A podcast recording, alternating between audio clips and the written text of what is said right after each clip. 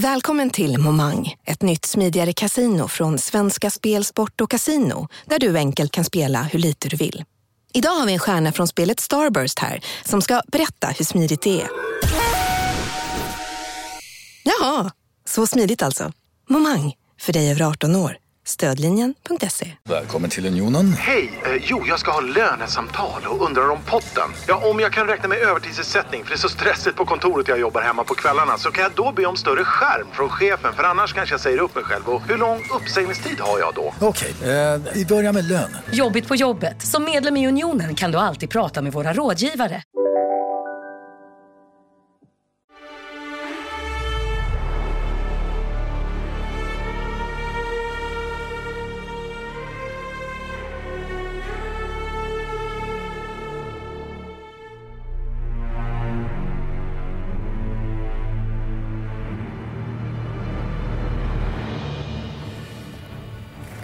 Senor Di Stefano, Senor Perez, ladies and gentlemen. I have always loved football. A mí siempre me ha gustado el fútbol. Of course, I love my family. Por supuesto quiero a mi familia I have a wonderful life. y y tengo una vida maravillosa. But football is everything to me. Pero el fútbol es todo para mí. And joining Real Madrid is a dream come true. Y formar parte del Real Madrid es un sueño hecho realidad. So I'd just like to say thank you to everyone for coming and uh, joining me in my arrival. And uh, gracias. A la Madrid. Fernando Varela. Peligro vino a trabajar, a cooperar en ayuda defensiva. Cambio con su fichaje. Ronaldo para Raúl, la pared con Raúl. Continúa Ronaldo, el pase, llega el primero,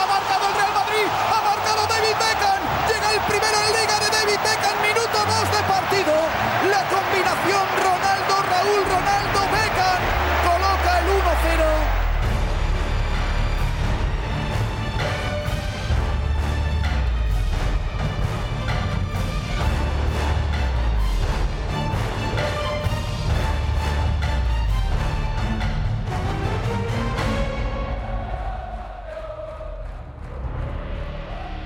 Jag har en fråga till dig Erik. Asså?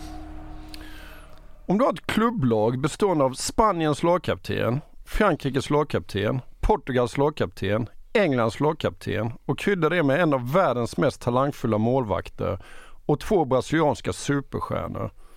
Borde du inte vinna en massa titlar då? Ja, det var ju det som var tanken. Tanken var inte bara att Real Madrid skulle vinna allt som gick att vinna, utan tanken var ju dessutom att Real Madrid skulle ta över världen, även utanför planen.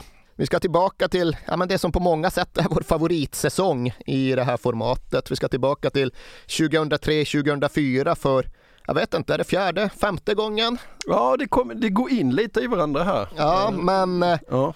vi återvänder ju eftersom att det var en säsong, en tid då det hände så väldigt mycket med fotbollen. Och det skulle inte komma att bli Real Madrids allra mest framgångsrika säsong, men jag håller ju fortfarande kvar vid att det var Real Madrids mest intressanta säsong. För när vi då spolar tillbaka drygt 15 år i tiden, då hamnar vi mitt i Real Madrids allra mest intensiva försök att ja, kolonisera världen, att bli den första helt globaliserade idrottsklubben. Och visst, det här är ju precis samma år som Roman Abramovic tar över Chelsea. Och vi har sett både honom och andra oligarker, vi har sett shejker och emirat göra väldigt mycket med fotbollssporten. Men jag vidhåller ju ändå att det finns inga som har accelererat det vi idag refererar till som den moderna fotbollen som Real Madrid under just den här tiden. Det finns inga andra som lika aktivt, lika utstuderat och för den delen lika öppet försökt förvandla idrotten till nöjesindustri. Om vi ska börja Real Madrid det här året så kan vi väl börja med förhandlingen om eh, David Beckham va? Ja, det finns en väldigt tydlig startpunkt för själva berättelsen och den infaller den 13 juni 2003 och vi förflyttar oss faktiskt till Sardinien. För där har Manchester Uniteds VD Peter Kenyon mött upp med Real Madrids marknadschef, en man som heter José Angel Sanchez. Och de förhandlar om David Beckham. De ska komma överens om villkoren för den övergång som i det här läget är ganska oundviklig. Och eftersom det här skulle komma att bli, inte bara världens största idrottshändelse, utan faktiskt en av de största nyheterna världen över alla kategorier år 2003 så finns ju väldigt mycket bevarat och dokumenterat. Vi vet tacksamt nog ganska exakt hur turerna gick och vem som sa vad och av vilken anledning de gjorde det. Och det som händer under de här förhandlingarna det är att Real Madrids utsände, den här Sanchez, plötsligt befinner sig i en mycket mer tacksam position än han någonsin hade föreställt sig. För det är då Peter Kenyon säger efter lite inledande avvaktande manövrar det är att Manchester United skulle vara belåtna ifall de fick 35 miljoner euro som betalning för David Beckham. Och redan där kände José Angel Sanchez att han liksom vill bara springa runt bordet och hoppa i vattnet och ja. jubla och skrika för liksom 35 miljoner euro. Sanchez tänker i sitt eget huvud att vad, alltså, vad gör de? Förstår de inte vad det är de har här? De tar betalt för David Beckham som om han bara vore en skicklig fotbollsspelare. Ja. Ifall man bara tittade på killen som spelade till höger för Manchester United och slog väldigt många bra inlägg och frisparkar och sprang en massa, ja då vore väl 35 miljoner euro ett ganska rimligt pris. Men de tycks alltså bortse totalt och fullständigt från allt det som var David Beckham. För David Beckham, orättvist eller inte, han var ju en fotbollsspelare i andra hand. Han var ett varumärke, eh, en magnetisk global dragningskraft i första hand. Och den verkade inte Manchester United ta betalt för. Så José Angel Sanchez, han fick liksom anstränga sig för att hålla huvudet någorlunda kallt och just inte jubla och jodla framför ögonen på Peter Kenyon. Så han förhandlade ju lite mer och han lyckades få ner Manchester Uniteds anspråk till ett paket som innebar 25 miljoner euro direkt och sen 10 miljoner euro ytterligare i olika bonusar, många av dem ganska avlägsna om Real Madrid vinner Champions League, om David Beckham blir utsedd till världens bästa spelare, om allt det här händer. Så Sanchez gjorde en snabb kalkyl och kom fram till okej, okay, 25 miljoner euro nu och ifall utfallet blir ungefär som vi kan förvänta oss 5 till 7 miljoner euro till i bonusar. Så 30 till 32 miljoner euro. Sen har Real Madrid David Beckham och då avbryts förhandlingarna, de tackar varandra, de ska stämma av med respektive hemmabas och José Angel Sanchez ringer till den stora bossen, Real Madrids president Florentino Pérez och han säger det de vill ha, det är bara cacahuetes. Det är bara jordnötter mm. eller översatt till svenska, det är bara småpengar. Det är bara smågrus. 25 miljoner euro för David Beckham plus lite bonusar. Vad är detta? Det är den största jackpotten inom idrottsekonomin någonsin. Samtidigt vore inte Florentino Perez Florentino Perez ifall inte han som den affärsman han var och är replikerar med okej, okay, men varför har du åkt till Sardinien då? Förhandla! Pressa dem lägre, skaffa oss ett ännu bättre erbjudande. Och då håller tydligen Sanchez på att tappa tålamodet. Nej men nu får det räcka liksom. Jag fattar varför du säger så men du kan inte göra det i det här läget. Vi måste ta spelaren och springa. Vi måste, vi måste. Florentino Perez ska liksom ställt motfråga. Okej men själv då, liksom, vad, vad tycker du att David Beckham egentligen är värd? 500 miljoner euro. Ja, precis. Och det är ja. nog en mycket, mycket mer rimlig uppskattning, en mycket mer korrekt analys av läget. 15 gånger mer pengar, 20 gånger mer pengar än vad det på bordet är frågan om. Så ja, de kommer överens, okej okay, vi ska nog inte förhandla så mycket men vi ska inte försöka pressa Man United, vi ska inte inte hålla på och dividera runt eh, småparagraferna utan nu skriver vi på pappren och sen så återvänder vi till Madrid och sen så tar vi över världen. Det var ju känslan som Real Madrid stängde den förhandlingen med. Tan claro como el color de su flamante sudadera. Beckham quiere agradar a sus nuevos compis. Um, I'd probably compare him to the Harlem Globetrotters. Hmm. You know, they play amazing football, exciting football, but effective football as well. And me now being part of that, uh, hopefully being part of that is is a, is a very proud time for me. A este paso, Plácido Domingo tendrá que grabar otra vez el himno y entonar igual. Okej, okay, du nämnde presidenten här, Florentino Perez. Vem, vem var han egentligen? Alltså när vi går igenom den här säsongen, det här spelåret, så finns det två självklara huvudpersoner. Och det finns ju en massa andra som därmed får ursäkta lite grann. Det här kommer inte vara ett avsnitt som i första hand handlar om Zinedine Zidane, trots att vi pratar om förmodligen Europas bästa fotbollsspelare någonsin, i alla fall vid den här punkten. Mm. Vi kommer inte gå tillbaks till Ronaldos uppväxt i favelan och vi kommer inte stanna kvar vid Luis Figos målmedvetenhet. Det är klart att vi kommer beröra dem i eh, vid många tillfällen under de här timmarna. Men de två självklara centralpersonerna är David Beckham och Florentino Perez. Och man kan säga mycket om Florentino Perez, men man kan ju inte anklaga honom för att inte ha stamtavlan, inte ha engagemanget. För han började gå på Real Madrids matcher när han var fyra år gammal och nu är vi precis i början av 1950-talet. När han sen fortsatte gå på Real Madrids matcher genom hela barndomen så kom ju det att innebära att han fick uppleva den mest framgångsrika perioden en europeisk fotbollsklubb någonsin har haft när han själv befann sig i sin allra mest formbara ålder.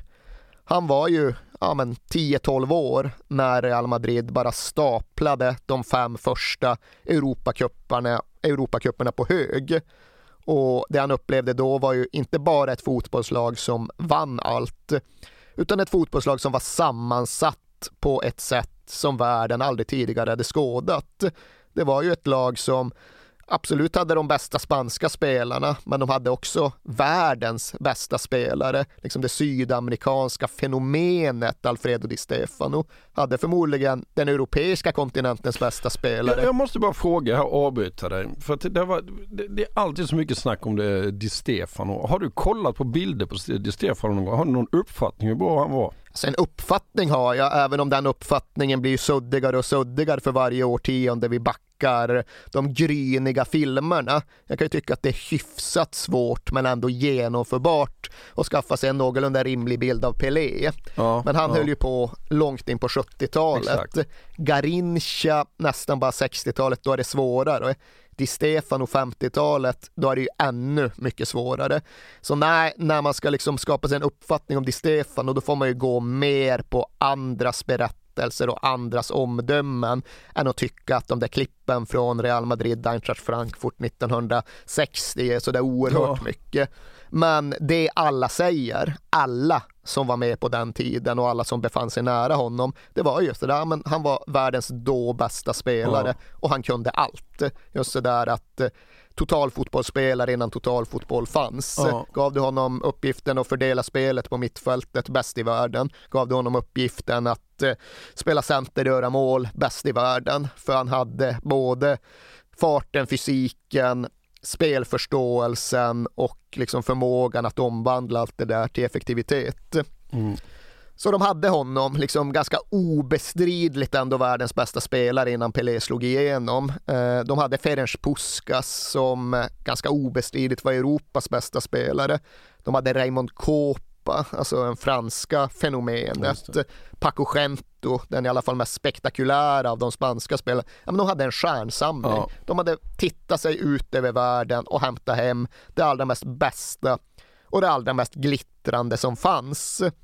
Och allt det kulminerade ju då med att de slog Eintracht Frankfurt på Hamden Park uppe i Glasgow. Typ 200 000 ska ha varit där. Alex ja. Ferguson, en ung Alex Ferguson ja. var där och såg Real Madrid göra 7-3 på Eintracht ja. Frankfurt. Deras femte raka Europacup. Ferenc Puskas fyra mål, Alfredo Di Stefano tre mål. Och att uppleva det här, att följa det här laget och förtrollas av dess lyskraft. Det var ju det som formade inte bara Florentino Perez syn på vad Real Madrid skulle vara, utan det formade i väldigt hög utsträckning hela hans världsbild. Mm. Och han fortsatte följa Real Madrid med allt större intensitet.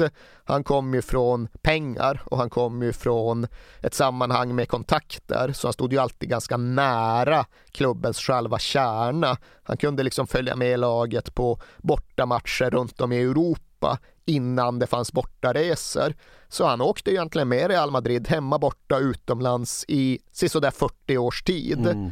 Samtidigt såg han först till att bli politiskt inflytelserik, sen såg han till att bli en framgångsrik affärsman och därefter blev han ju en man som försökte ta över hela klubben.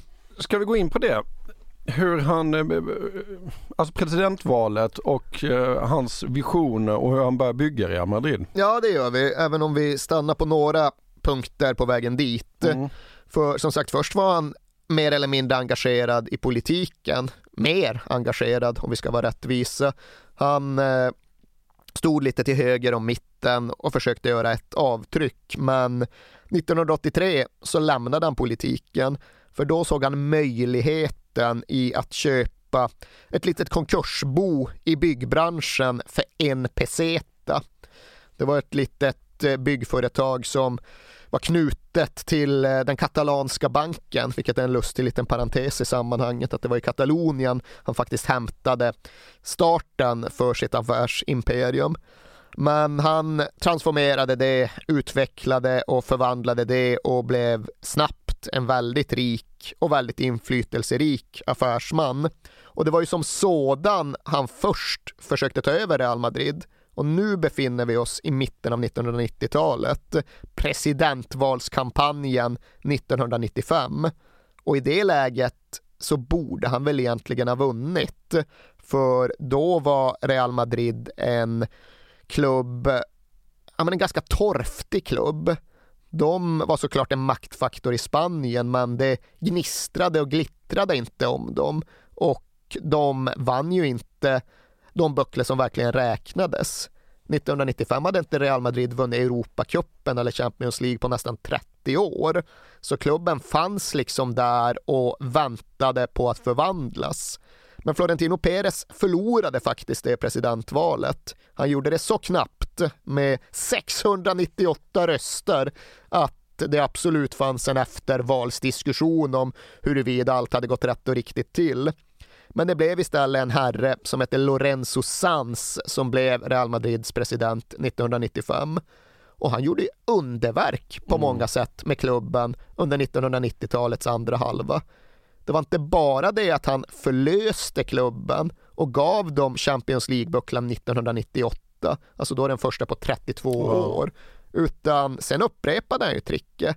Vann Champions League igen år 2000 och stärkt av den framgången så kände han att ja, okej, okay, men nu får vi bygga vidare på det här, men jag börjar liksom att utlysa nyval i förtid.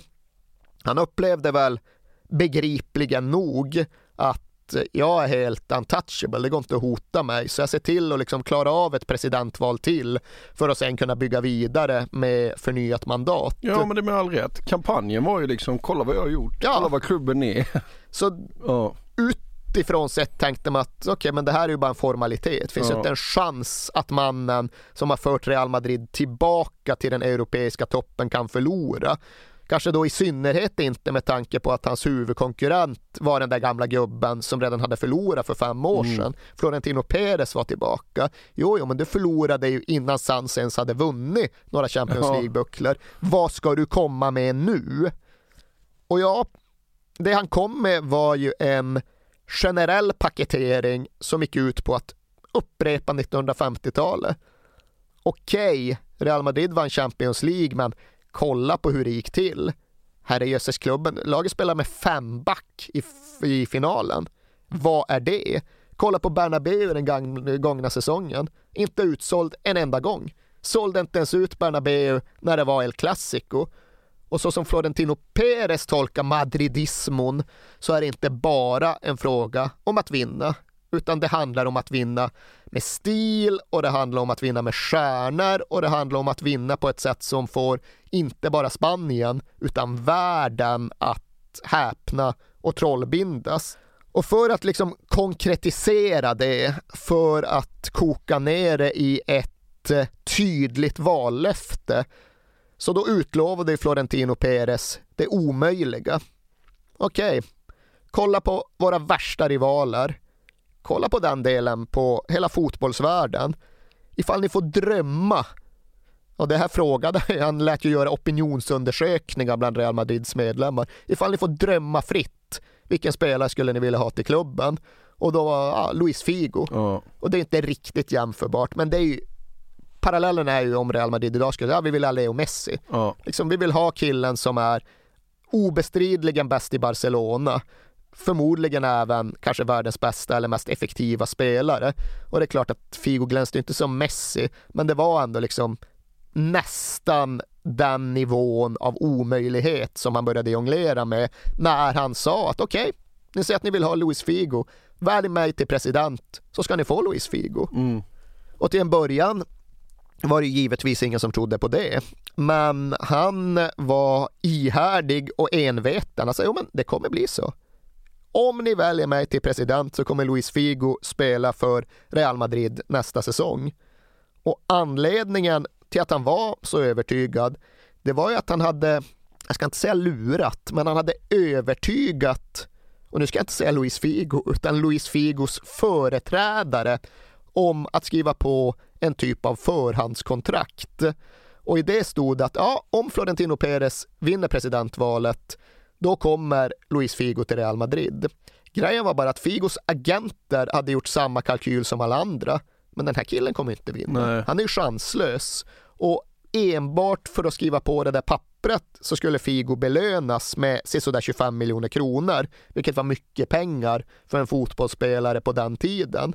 Så Figos företrädare, Figos agenter, med mer eller mindre luddigt mandat från spelaren själv tyckte att men det här är gratispengar. Ja. Han kommer ju aldrig vinna, finns inte en chans. Då får vi 25 miljoner. Ja. ja, ja. Dessutom ska det sägas att Figo låg i kontraktsförhandlingar med FC Barcelona vid den här tiden och de gick inte så bra. Figo och hans agenter kände att vad fan värdesätter de inte honom? Vad är detta? Så det fanns en växande vrede. Det fanns något mått av bitterhet som gjorde att den där påskriften kanske kom lite lättare än den annars hade gjort. Mm. Men det som dock ska sägas och det som gav Florentino Perez trumfen på hand, det var ju att det även fanns en klausul i det där förhandskontraktet.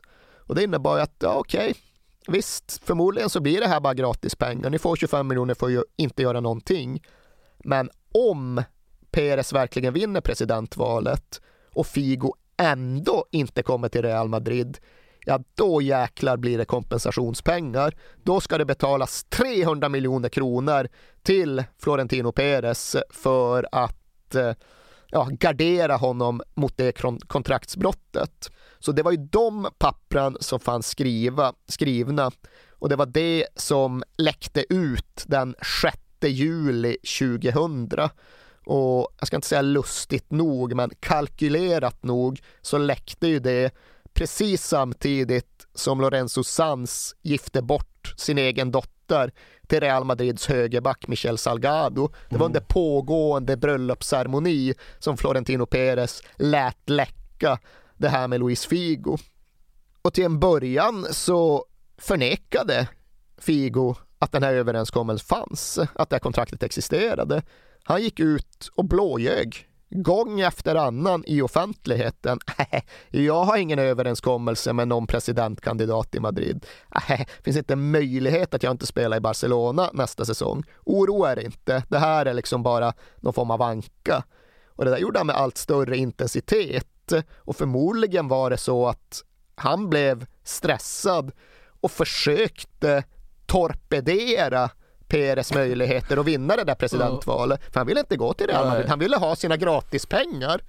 Men Peres... Han var nog under en del press också när det kom ut. Och hans agent var under en del press från alla håll kan jag meddela. Men här har ju Figo förlorat för varken han eller hans agenter hade ju insett insett vem det egentligen var de spelar poker med. Nej. Florentino Perez var en oerhört skicklig och strategisk förhandlare. Så han hade ju sett hela det här dominospelet falla långt innan han satte, det, satte planen i verket. Mm. Och hans nästa drag blev ju att eh, se till att vinna den offentliga debatten om sanningen. Och det gjorde han genom att kort och gott gå ut. Okej, okay, visst, nu säger Figo och hans folk att det inte blir något, att jag bara är en bluffmakare som inte alls ska bli president. Men okej, okay, då gör vi så här. Alla ni som inte bara är medlemmar i Real Madrid och därmed röstberättigade, utan alla ni som faktiskt har säsongsbiljetter på Bernabéu.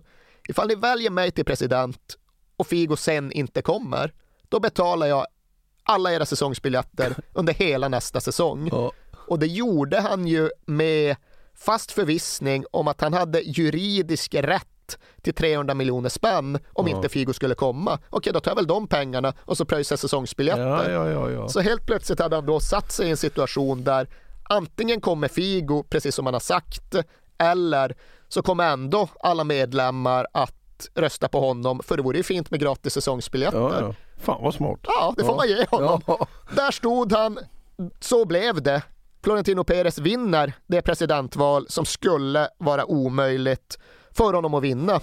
Es Florentino Pérez, 53 años, ingeniero de caminos, presidente de una de las constructoras más importantes del país y desde hace 40 años socio del Real Madrid. Hoy ha presentado en sociedad su candidatura a la presidencia del Real Madrid. Eh, yo no temo a nada. Yo eh, estoy muy ilusionado y, y voy a dedicar mi esfuerzo a ilusionar a todos los socios con este proyecto. Le puedo asegurar que yo creo que la mayoría de los socios del Real Madrid eh, se sienten representados más por nuestro proyecto que por el de Lorenzo San, en el supuesto de que, de que tenga alguno. Och lite halvt motvilligt fick Luis Figo lov att stoppa den portugisiska manen mellan benen och åka till Madrid och backa från allt han hade sagt och låtsas som att de där lögnerna inte fanns. Och han kickade sin egen agent ganska direkt för det var nog så att det kanske var han som hade tagit beslut snarare än Luis Figo. Men han bet ihop han åkte tillbaka till Camp Nou och blev utbuad som ingen annan fotbollsspelare blivit, vare sig förr eller senare. Eh, och han förvandlades, förvandlades väl där till en Real Madrid-spelare som faktiskt också ganska omedelbart, redan första den säsongen, vann ligan åt Real Madrid. Tentaré dignificar al máximo el nombre de, del Real Madrid y espero eh, ser tan, tan feliz como, como los años que también he pasado en Barcelona. Ja, Florentino Perez är alltså då president, men hur bygger han Real Madrid då? Ja, han hade ju då lyckats med ett trolleritrick bara för att ta makten över klubben och sen lyckades han med ett till för att ge sig själv möjligheter att förverkliga sin vision. För saken är den att Real Madrid är ju alltjämt en medlemsstyrd förening. Det är liksom inte aktuellt för en enskild finansiär att bara komma in och pumpa in miljarders miljarder. Och Florentino Perez var ju inte heller den typen av klubbägare. Han tänkte inte finansiera Real Madrid själv med sina egna byggpengar, utan han tänkte skapa nya pengar inom ramen för klubbens själva verksamhet och på så sätt ge sig själv möjlighet att värva. Och grejen med klubben var ju, och det här hade också bidragit till att han kunde ta över den, att Real Madrid mådde jättedåligt ekonomiskt mm. för den här tiden. De var kanske inte konkursmässiga, men de satt på ett stort jäkla skuldberg snarare än någon värvningsportfölj. Så hur skulle Florentino Perez lösa det? Det är nästan 2-3 miljarder i skulder. Samtidigt ville han värva dyrare än någon klubb tidigare hade värvat. Hur fan skulle han få ihop den grejen? Ja, det han klurade ut och det han sen faktiskt också lyckades genomföra, det var att han skulle sälja Real Madrids gamla träningsanläggning och framförallt den attraktiva mark som den låg på. Och det var verkligen ingen liten sak, för i grunden skulle även det ha varit omöjligt.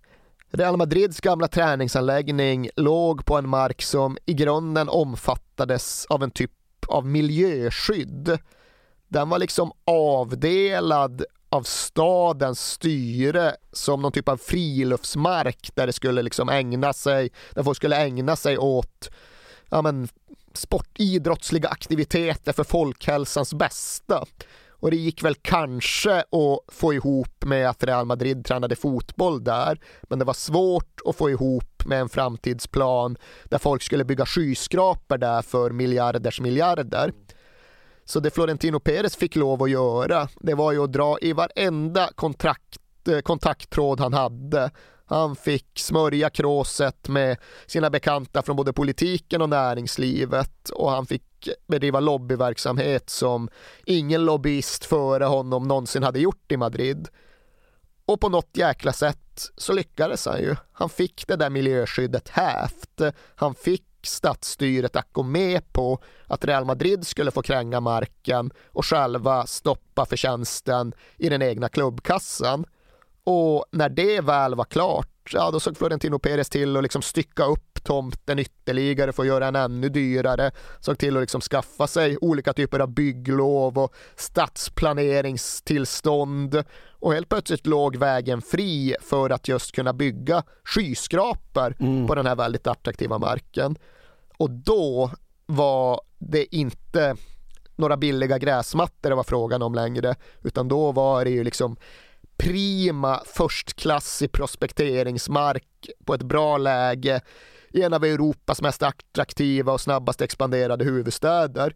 Så när Peres väl sålde den, då var det nästan 5 miljarder kronor oh, in. Oh. Och då var det, okej, okay, bort med 2,5 miljarder i skulder, in med 2,5 miljarder i värvningsbudget. Oh. Och det är ingen liten sak att lyckas med ifall man inte har just shejkpengar eller emiratpengar i ryggen, utan det gjorde han egentligen Ja, det hade vem som helst i teorin kunnat göra. Ja, men det är jäkligt imponerande. Du. Det är jäkligt ja. imponerande och det är på ett sätt eh, också ganska lätt att känna avsmak för det, för det var ju bara genom hans kontakter och liksom genom hans förmåga att omvända politiska meningsfränder som det blev möjligt. Ja, men så ser nog mycket av den här världen Så ut. är det absolut, ja. men det var inte så att folk runt Atletico Madrid eller för den delen Rayo Vallecano jublade och jodlade, utan det var ju många där som liksom inledde rättsprocesser mot staden de själva bodde i. För att så här kan fan inte skattebetalarnas medel användas och förvanskas. Fast Atletico Madrid styrdes väl inte av världens finaste kille just då heller? Va? Jesus Schill, ja, vi kan återvända till honom honom. Han som red på en vit elefant när Atletico Madrid en gång vann ligan. Han har blivit före, har du sett den? Det finns ja, ju en hel det. serie. Ja, den är underbar. Ja, det är. Ja. Och då, nej visst, de var lite samma andas barn, även om Jesus Schill om något var liksom mer vildsint och Florentino Perez var mer liksom realpolitiker, mer sober. Ja men det är lite krokodiltårar från Jesus Gil måste man ju säga. och sen är ja. inte Atletico Madrid inte synonymt med Jesus Gil. Jag kan ja. förstå att man ja. blir ganska förbannad som vanlig supporter när man inser vad det här ekonomiska trolleritricket faktiskt medför och ja. innebär. För det gav ju just Florentino Perez finanserna och därmed manöverutrymmet för att göra det han hade tänkt att göra. Och det här var våren 2001 Sen gick det ju bara några månader innan han satt på någon konstig Uefa-gala i Monte Carlo och skickade servetter över bordet för på andra sidan satt Zinedine Zidane mm. och på de där servetterna stod det ja men vill du spela i Real Madrid? Zinedine Zidane skriver yes på engelska och skickar tillbaka ja. den och sen ser Florentino Perez han ser till att lösa det. Sommar 21 så kommer Zidane som världens dyraste spelare. Mm. Ungefär samtidigt så påbörjar EU-kommissionen sin utredning av hur den där markaffären i Madrid egentligen hade gått till. Men ja. den försvann mest ja. ut i ingenting. Och sommaren efter så kommer Ronaldo Mm. Just efter att han avgjort VM-finalen med två mål. Men Florentino Perez löser såklart det också. Men han var ändå just inte Jesus Schill, han var liksom inte extravagant, han var inte larger than life, utan han var ju en ganska nedtonad figur. Mm. Alla som liksom ska beskriva honom i en spansk kontext återvänder ju alltid till att han har alltid samma kläder på sig, eller han har alltid likadana kläder på sig. Det är alltid en kostym på gränsen mellan mörkblått och svart och det är alltid en ljusblå skjorta. Mm. Jag vet att det där är ju någonting som används även runt till exempel amerikanska presidenter. Barack Obama, han har alltid liksom tre stycken alternativ framlagda varje morgon. Ja, men tar du den här kombinationen av skjorta och kostym, ja mm. det gör jag och sen kör han vidare. Och det är för att man ska liksom inte behöva ägna beslutsfattande Nej, åt kläder, man ska Nej. spara sitt beslutsfattande. Och Florentino Perez förstod det liksom, ja men varför komplicera livet? Nej, det har liksom... lite rätt i faktiskt. så liksom, i sitt privatliv, i sin uppenbarelse, då var inte Florentino Perez det minsta extravagant. Alltid samma kläder, drack ingen alkohol, samlade inte på sig dyra lyxyachter eller privatplan. Utan det han gjorde, förutom att driva då sitt byggföretag ACS, det var att samla på konst. Han gjorde det både hemma, där han hade så Andy Warhol på väggarna, och så gjorde han det då som klubbägare för Real Madrid. För hela hans projekt gick ut på att de allra mest eftertraktade, de allra mest omsusade, de allra mest lysande stjärnorna, de skulle liksom samlas på fotbollsmuseet Bernabeu och sen skulle de komma till liv och eh, elektrifiera arenan, staden, nationen, världen.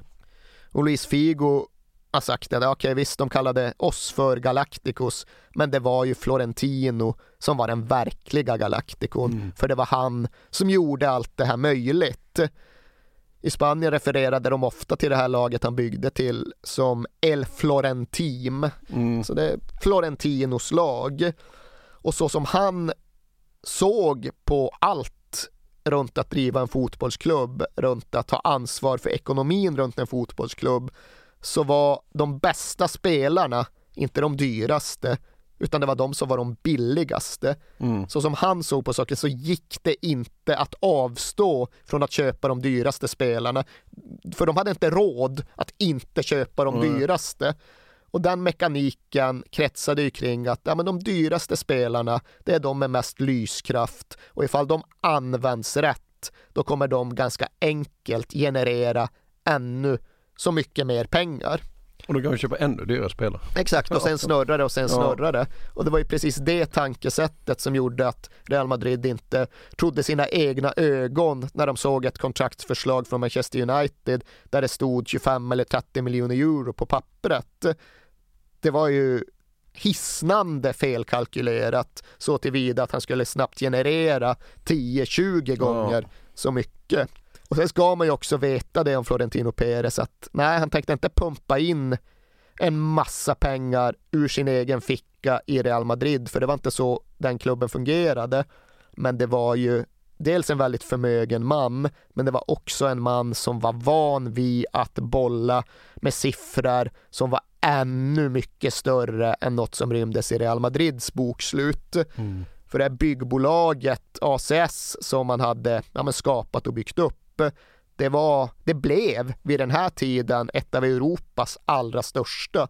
Ungefär samtidigt som han löste Beckhams övergång från Man United så satt han också och sydde ihop en typ av uppköp som innebar att de över en natt förvandlades till, jag tror det var Europas tredje största byggkonglomerat. Och de höll på att liksom bygga skyskrapor och broar och motorvägar och järnvägar. Och det innebar att de hade nästan 100 000 anställda mm. och en omsättning på 12 miljarder euro, alltså mer än 100 miljarder kronor. Ja. Så det där med att liksom skaka fram lite pengar för att köpa Zidane från Juventus, det var inget som gjorde honom skräckslagen. Nej. Det kändes inte som att det här är en affär som är för stor för mig. Nej. Och så där är det fortfarande att ja, Real Madrid drivs av Florentino Perez men samtidigt har Florentino Perez klubben som en hobby. Mm. ACS är hans jobb. Och sen när jag tittade var den där byggomsättningen uppe i 34-35 miljarder euro. Ja. Och det är pengar det också. Jo, det får man ju säga.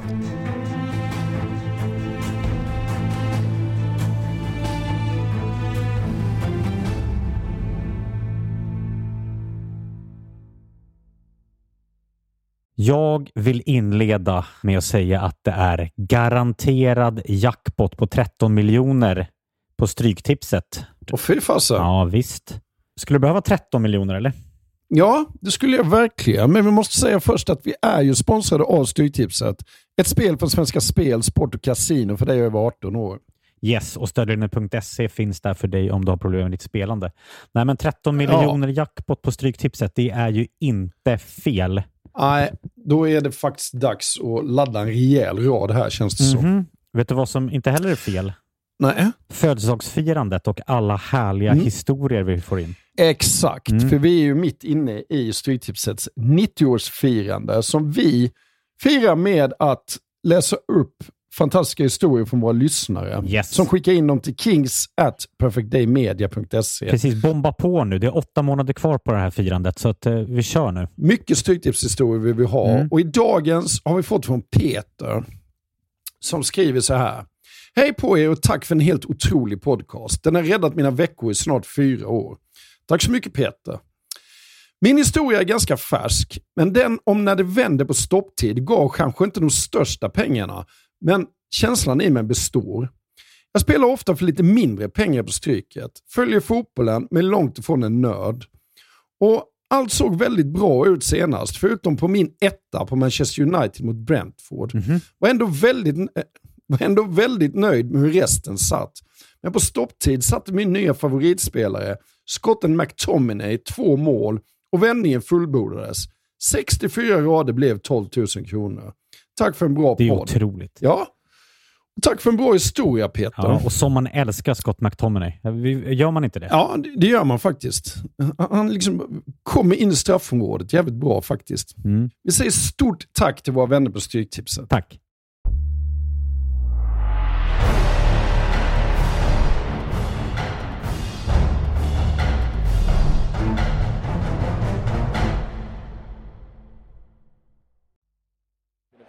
Clear sense amongst the Spanish press and also the Spanish players. Interesting talking to Real Madrid players in, in the run-up to this game. They actually prefer Ryan Giggs. They're very fond of his pace, aren't yeah. they? Yeah. I mean, I remember that performance of Ryan Giggs turned in at uh, in La Coruña, and he was just amazing. And I think there's a real sense that that, that directness, that ability to run at people, frightens frightens teams. Um, so much talk though about David Beckham. So much talk about David Beckham. Referee Mr. Anders Frisk of Sweden. Checking his watch. Have a look around. There is David Beckham. Oh, a lot of eyes will be on him. And away we go. Real Madrid against Manchester United. Ska vi snacka lite om säsongen 2002-2003 och framförallt matcherna mot Manchester United i Champions League? Ja, för de leder ju in i allt det här och de förklarar en del av det som annars hade varit lite obegripligt. För när Real Madrid lottas mot Man United i kvartsfinalen av Champions League våren 2003 Ja, då uppfattades det väl av vissa som en mardrömslottning. Man United ansågs ju vara ett av Europas starkaste lag. Nästan hela stommen från laget som hade vunnit Champions League 99 fanns ju kvar och hade om något kanske blivit ännu bättre. Men när den där bollen drogs ur den där urnan och det blev klart att Real Madrid skulle möta Man United så blev det ett jättejubel i Real Madrids omklädningsrum. De hoppade och de dansade och de tjoade och de kimmade. För så som de såg det var det ju kul att få möta en så karismatisk klubb eftersom att det ändå inte fanns någon chans att de skulle förlora. De var redan vid den punkten övertygade om att de var bäst. Och det var ju med visst fog. De vann ju Champions League säsongen före. 2002, Zinedine Zidane sköt den där volleyn i nättaket på Hamden Park med fel fot. Och tog på så sätt Real Madrid till den europeiska toppen. Så, så, så de såg det så var de ju redan bäst, även om de var på väg att bli ännu bättre. Och i det här dubbelmötet mot Man United så lever de ju upp till sin egen självbild. För i det första mötet på Bernabéu, då spelar de ut Man United ganska totalt. Ja. Figo ju ett drömmål efter tio minuter någonting. Du har sett det eller? Ja, det är jävligt snyggt alltså. Och det är ju meningen. Ja, Där kan ja, vi vara absolut. överens. Det är inget inlägg. Nej, Han nej. vrider den i bortre gaveln. Vi lägger ut det på... Eh, www.k podcast på Instagram. Följ oss där så får ni bilder till det vi pratar om. Eh, Figo gör ett drömmål, Raul tar över showen, han gör 2-0, han gör 3-0 tidigt i andra halvlek. De målen innebar att han drygade ut sitt försprång i toppen av Champions Leagues skytteliga sett över alla tider. Han ledde den klart då han var 25 år gammal och var på väg att bli kapten för Real Madrid. Så Raul befann sig också på en rätt bra punkt i livet. Men Även om Real Madrid sen släppte in en ganska fånig reducering på Bernabeu som innebar att första matchen bara slutade 3-1 så märktes det på Man United spelare att de var lite skakade efter den där upplevelsen. Senare under Alex Ferguson, då skulle de prata om finalen mot FC Barcelona som någon form av bister ögonöppnare. Att fan, ja, vi spelade, vi gjorde vad vi kunde men vi blev ändå utspelade av ett bättre lag. Mm. Och lite den grejen var det här också. Gary Neville går ut efteråt och säger ja, det är som att möta Harlem Globetrotters. Ja. Och då menar han inte nödvändigtvis laget som bara showade för sakens skull, utan det där laget som turnerade runt om i världen och var så överlägsna att deras motståndare knappt fick röra bollen. Nej. Att de förvandlade matcherna till uppvisning bara för att de var så bra. Och David Beckham sa något liknande, liksom, ja, den fotboll Real Madrid spelade ikväll, det var fotboll som jag faktiskt aldrig tidigare hade sett. Och det bidrog ju till att förflytta David Beckhams tankar från The Old Trafford där han tidigare varit så cementerad. Men det var ju överhuvudtaget bara möjligt eftersom att det hade skurit sig totalt mellan Beckham och Alex Ferguson. Ja.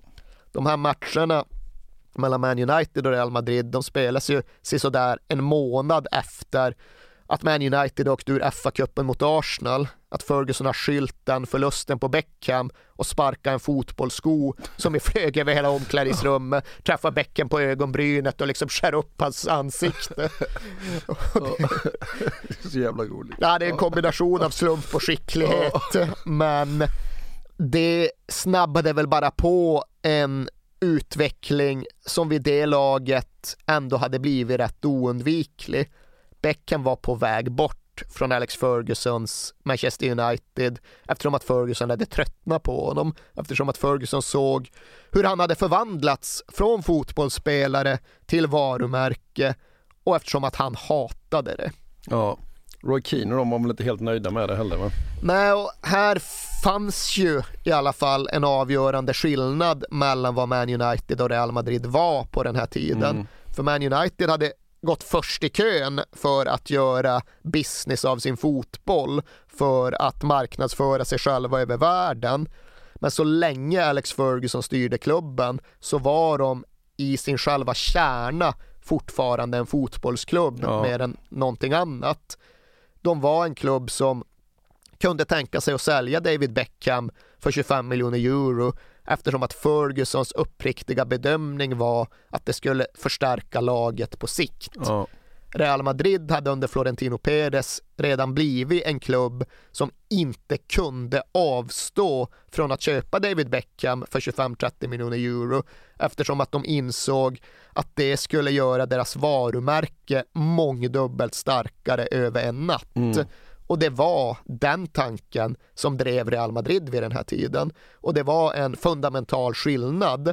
Men det fanns en uppfattning som blev allt tydligare och allt starkare och allt mer etablerad att det är frågan om det inte är Real Madrid som har fattat den här grejen rätt och Ferguson som är kvar i det förgångna. Mm. För det är bara att titta hur det ser ut när lagen möts. Okej, Real Madrid har satt samman av andra anledningar än Man United har satt samman. Men när det väl kommer till match nere på gräset så är ju Real Madrid överlägsna. Ja. Inte nog med den första matchen, sen åkte de ju upp till Old Trafford och eh, ja, men gjorde processen ganska kort med Man United där också. Och det är ju Ronaldos stora kväll. Ja, ja, ja. Han liksom verkligen demonstrerar vilken otrolig anfallare och avslutare han var. Gjorde Och ändå så när man kollar på tv-bilden så är han lite, lite mullig. Ja, jo, det... och, och ändå så jävla bra liksom. Ja, nej, det här var ju på andra sidan av hans skadeproblem. Ja. Det som liksom förändrade hela hans karriär. Men som sagt ändå explosiv, ändå ostoppbar. Ändå så liksom dundrade han dit sina avslut på ett sätt som gjorde att Fabian Barthez inte hade en chans. Så han gjorde ju hattrick. Han gick av till en stående ovation från hela Old Trafford. Det här var ju matchen som ja, men förtrollade alla de som tittade på, som övertygade Roman Ja, Abramovic det. som satt på Ja. Old Trafford om att jag måste in i det här, jag måste vara en del av detta. Det var en viktig match helt Ja, det enkelt. var det. Och det var ju en magnifik match. Ja, det var det. Pierluigi Collina dömde och han pratar fortfarande, ja men det var den bästa match jag någonsin dömde med tanke på farten, kvaliteten, det spektakulära, han väger ju även in sportsmanship. Ja, ja, ja. Jag håller ju det inte riktigt lika högt och det var ju för att Man United aldrig kom riktigt nära. Nej. De gav ju aldrig upp, till deras heder gav de ju aldrig upp. Varje gång Ronaldo gjorde mål så slog ju van Nistelrooy tillbaka. Ja. Men saken här var ju att deras, kanske inte bästa, men i alla fall mest berömda spelare var ju inte med. Nej. Ferguson hade ju petat David Beckham och var det inte klart att han skulle lämna klubben innan det så blev det ju klart i samband med detta. Han vill ju ge Solskär chansen ju. Ja, Solskjaer missade en match Ja, den matchen han. som han Ja. aldrig annars Ja. gjorde. Men en vansinnig David Beckham kom ju in när egentligen allt redan var klart, stängt och avgjort, men spelade som besatt. Ja. Då dit en helt fenomenal frispark. grym. Det är sån jävla fart Ja. på den, trots att den är höger insida. lägger vi också ut sen. Men han slår in den, han stångar in en boll på bortre stolpen. Han gör så att Man United faktiskt vänder och vinner matchen med 4-3, men de förlorar ju ändå dubbelmötet. Mm. De är aldrig riktigt nära. David Beckham har fått känna på hur bra Real Madrid kunde vara när allt flöt. Real Madrid hade kunnat se hur bra David Beckham verkligen kunde Ja. vara när han kom in och skulle demonstrera en poäng. Och för den delen, Roman Abramovic lämnade Old Trafford övertygad om att fotboll var det viktigaste som fanns. Vet du vad som gör mig väldigt besviken med den matchen? Nej, men det ska jag se fram emot att höra. Ja, nej men det är att Beckham berättar i efterhand att Zidane, när det är 10 minuter kvar, frågar om de ska byta tröja. Zidane ska inte be om någon tröja. Det är liksom människor ska komma till Zidane. Ja, verkligen. Ja. jag trodde först att du var provocerad att han liksom hade tankarna på annat håll när det var tio kvar. Nej. Men det kan vi kosta, det kan Zidane gott och väl få ha. Ja. Han visste att de skulle vinna. Men visst Zidane, det, jag håller verkligen med Ja. dig. He, bow, he bows to no one. Ja, nej usch. Ja. Men den där matchen, det där dubbelmötet, det var på många sätt någon form av klimax för Real Madrids säsong 2002-2003. Sen är det ju inte slut i och med detta, utan det ska ju hända en hel del åt alla möjliga håll innan de väl tar sommaruppehåll. Till att börja med så förlorar de ju, kapitulerar, blir liksom avslöjade som ett rätt ihåligt lag i Champions League-semin mot Zidans gamla Juventus. Juventus vinner ganska klart och komfortabelt genom att vara ja, men så jäkla noggranna och strukturerade som Juventus, alltid Ja, är. ja. Så det var en sak som Real Madrid tog med sig in i sommaren. Men det här var ju faktiskt inte ett mästerskap, inte en mästerskapssommar. Så det innebar att den spanska ligan höll på i all evinnerlighet. Den höll liksom på bortom midsommar på det sätt som den ofta gjorde förr i tiden. Och det medförde ju att samtidigt som allt det här vi pratade om i början pågick, det här med att eh, marknadsdirektör Sanchez sitter på Sardinien och är helt löddrig för att han får ett bra erbjudande om att värva David Beckham. Ja, men samtidigt så pågår fortfarande den spanska ligans slutspurt. Två dagar efter den förhandlingen, då ska Real Madrid möta Atletico Madrid borta i den näst sista ligaomgången.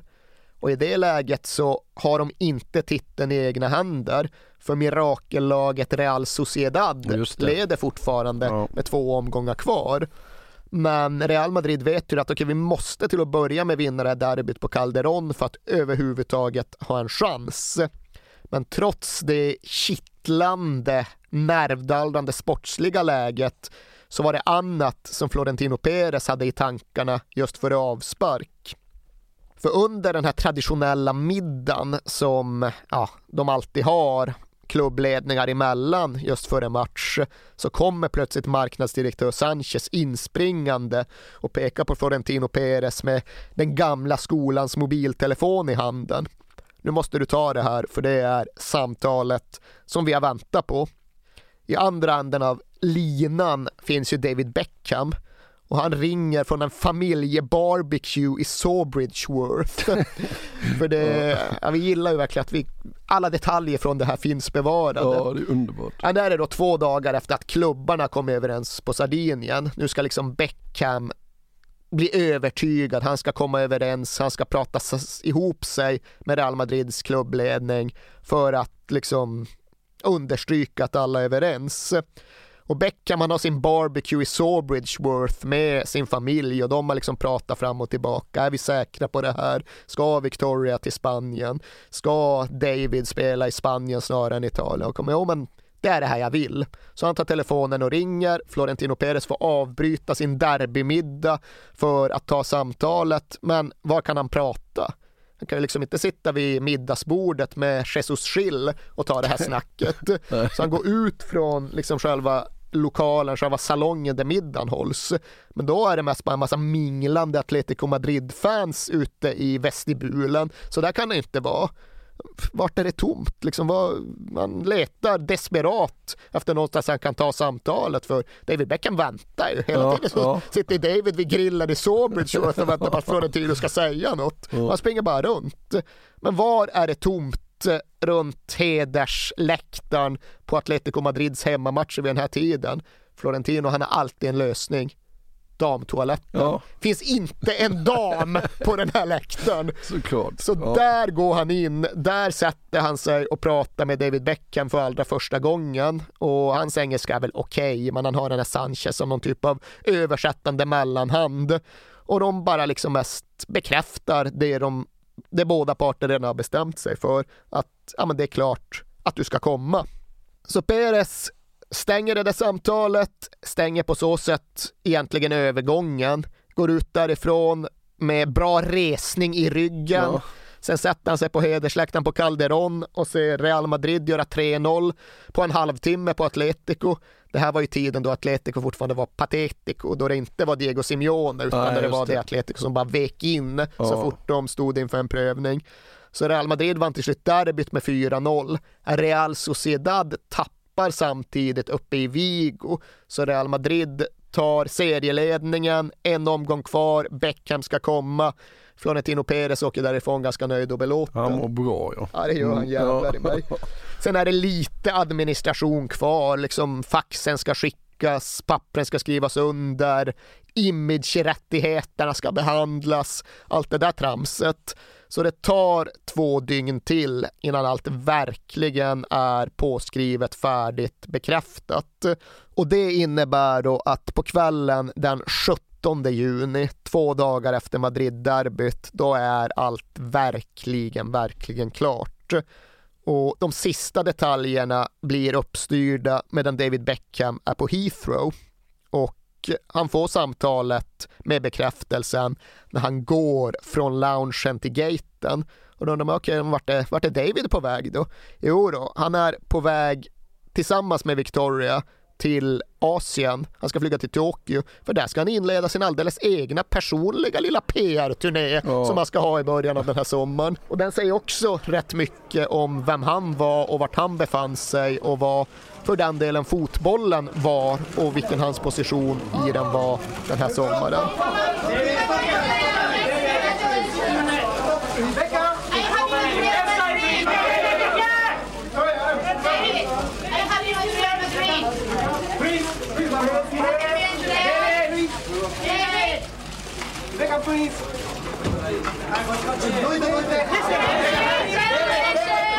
Och det här är året efter VM 2002, året efter VM i Japan, Sydkorea, då på något sätt den delen av världen verkligen sveptes iväg av fotbollens kraft.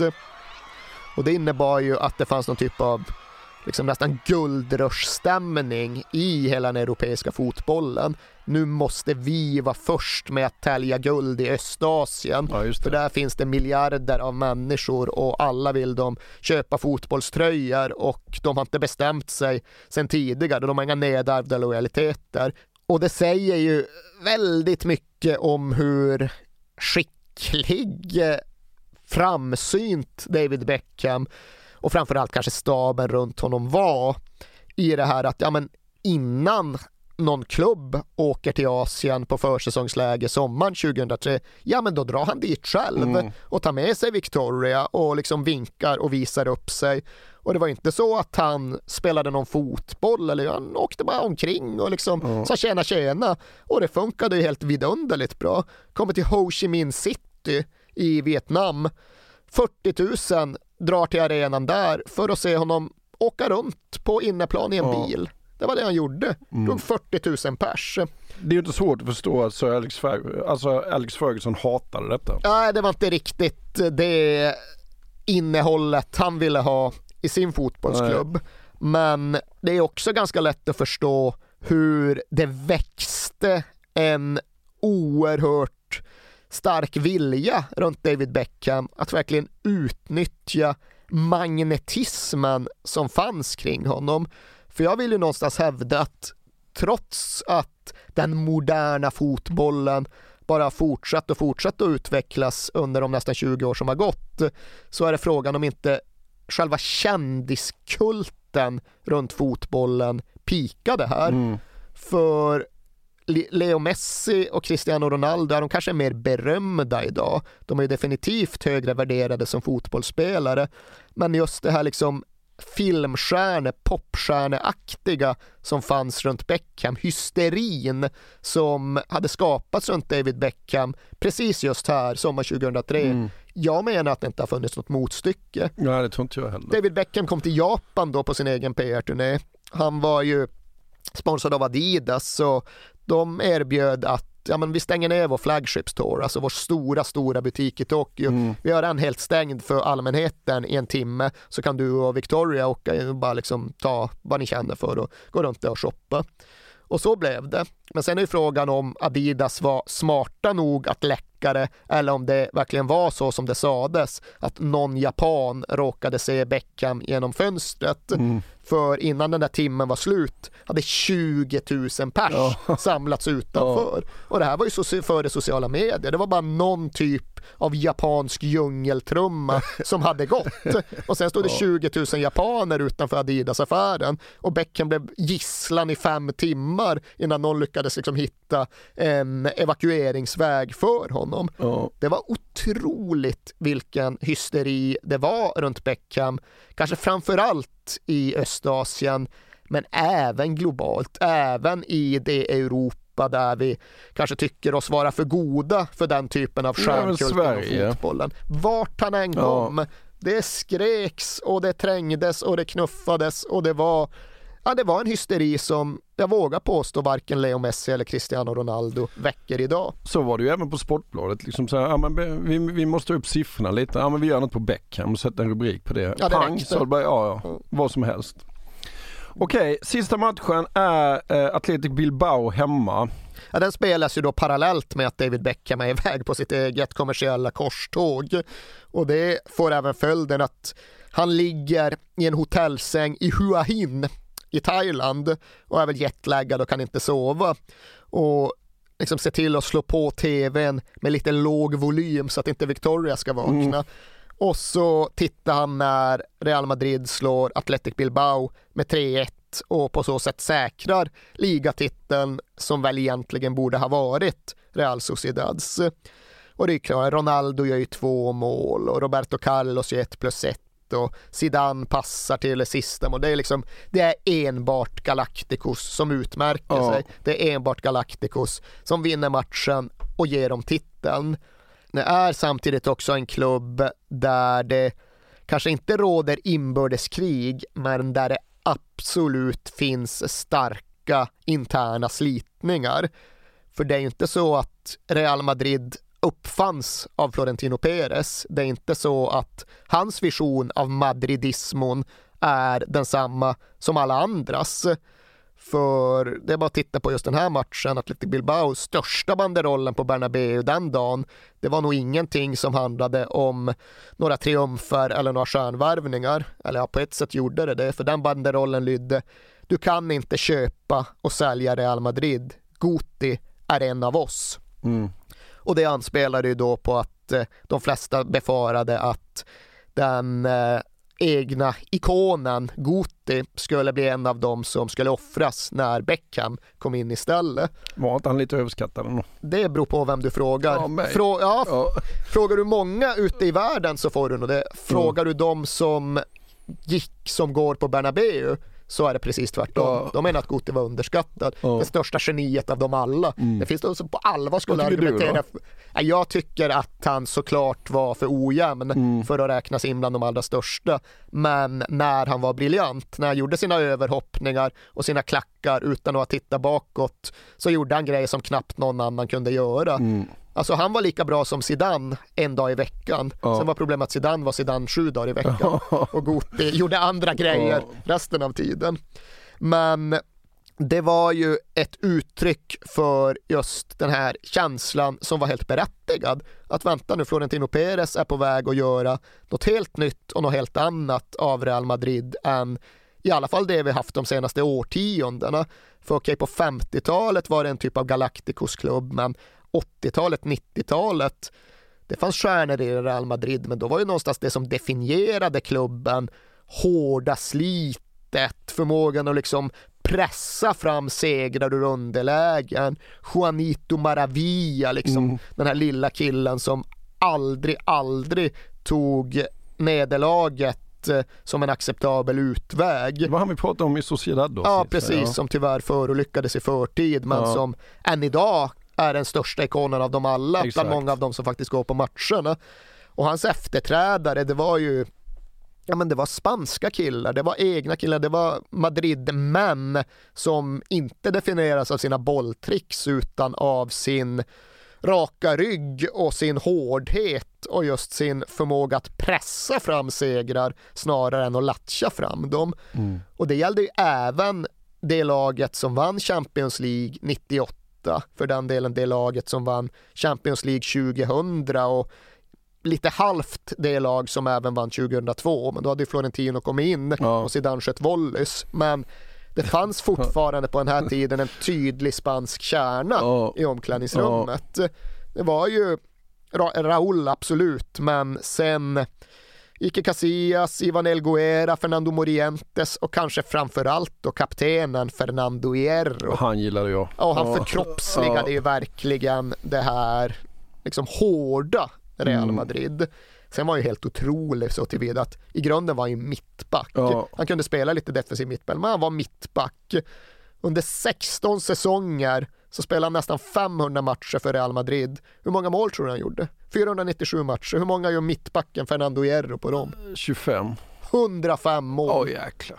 Ja. Och idag pratar man om Sergio Ramos som Ja. på ett sätt kan sägas vara någon typ av efterföljare. Hur otroligt det är att han gör många mål. Ja. Men han har gjort lite färre matcher, 440-450 någonting.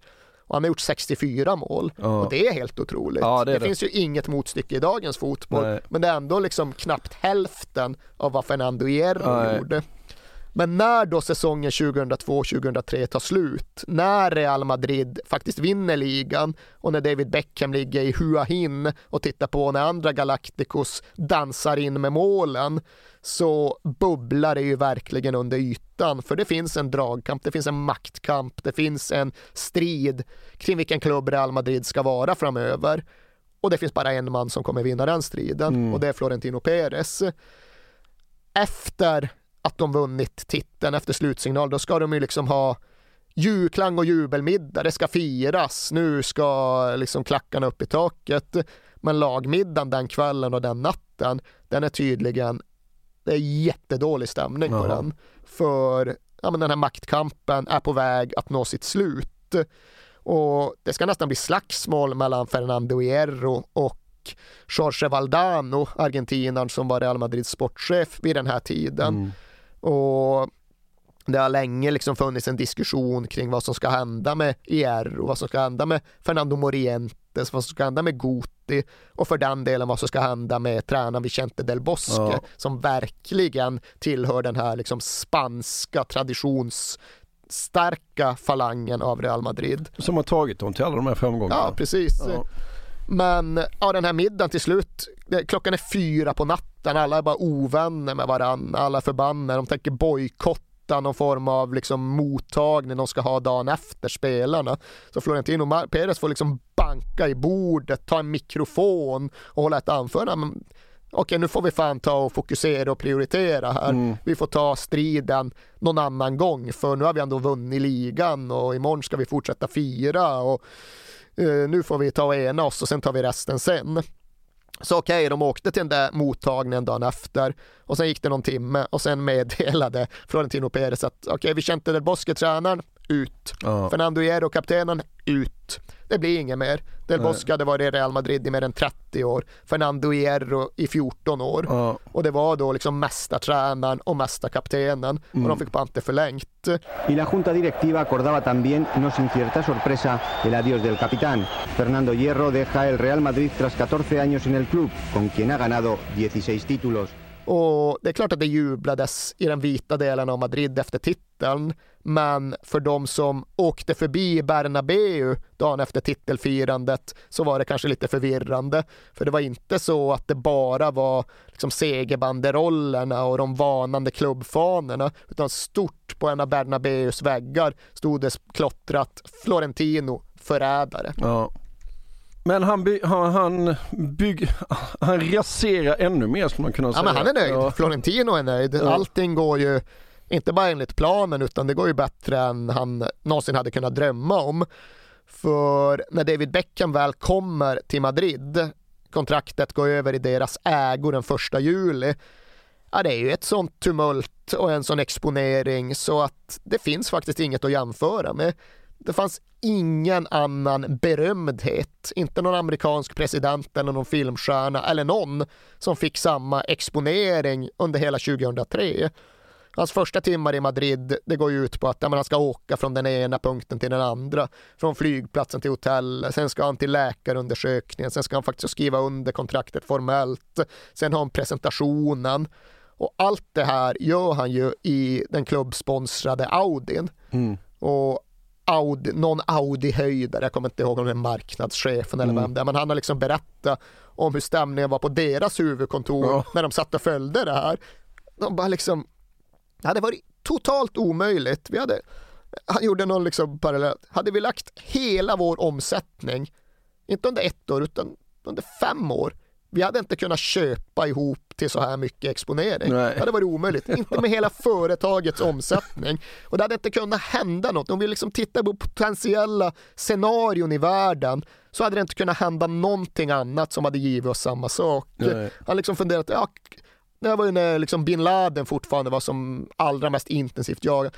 Kanske ifall den amerikanska armén gled in i Tora Bora-bergen med en Audi, plockade fram bin Laden, liksom spikade upp honom på Audi-taket och åkte därifrån. Det kanske skulle vara jämförbart, men fan vet liksom. Och det här gav ju effekter som var betydelsefulla, inte bara för en fotbollsklubb, utan bokstavligt talat för en nation. Fasen som liksom Spanien var inne i, det var något som de ibland refererar till som en andra transition. För vi pratade om det i Real Ja, Sociedad-avsnittet, det. att det var en transition från diktatur till demokrati Ja. under andra halvan av 70-talet. Det här skulle då vara det transition som innebar att Spanien gick från att vara en liksom ganska marginaliserad stat i utkanten av Europa till att bli en global spelare. Mm.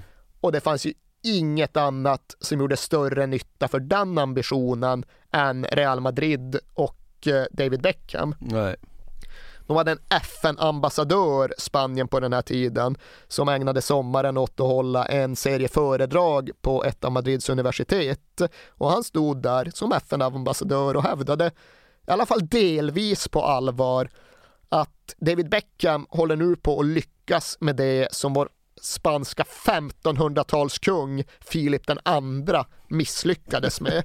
För han försökte skapa ett spanskt imperium som var globalt. Mm. Solen skulle aldrig gå ner över det spanska imperiet. Nej. Men det gick ju åt helvete för armadan som inte skulle gå att sänka, den stoppades av brittiska flottan. Mm. Men nu är det paradoxalt nog en britt som ska hjälpa oss. För nu kommer David Beckham göra det Filip den andra misslyckades med. Ja. Nu kommer han se till att solen aldrig sänker sig över det spanska imperiet.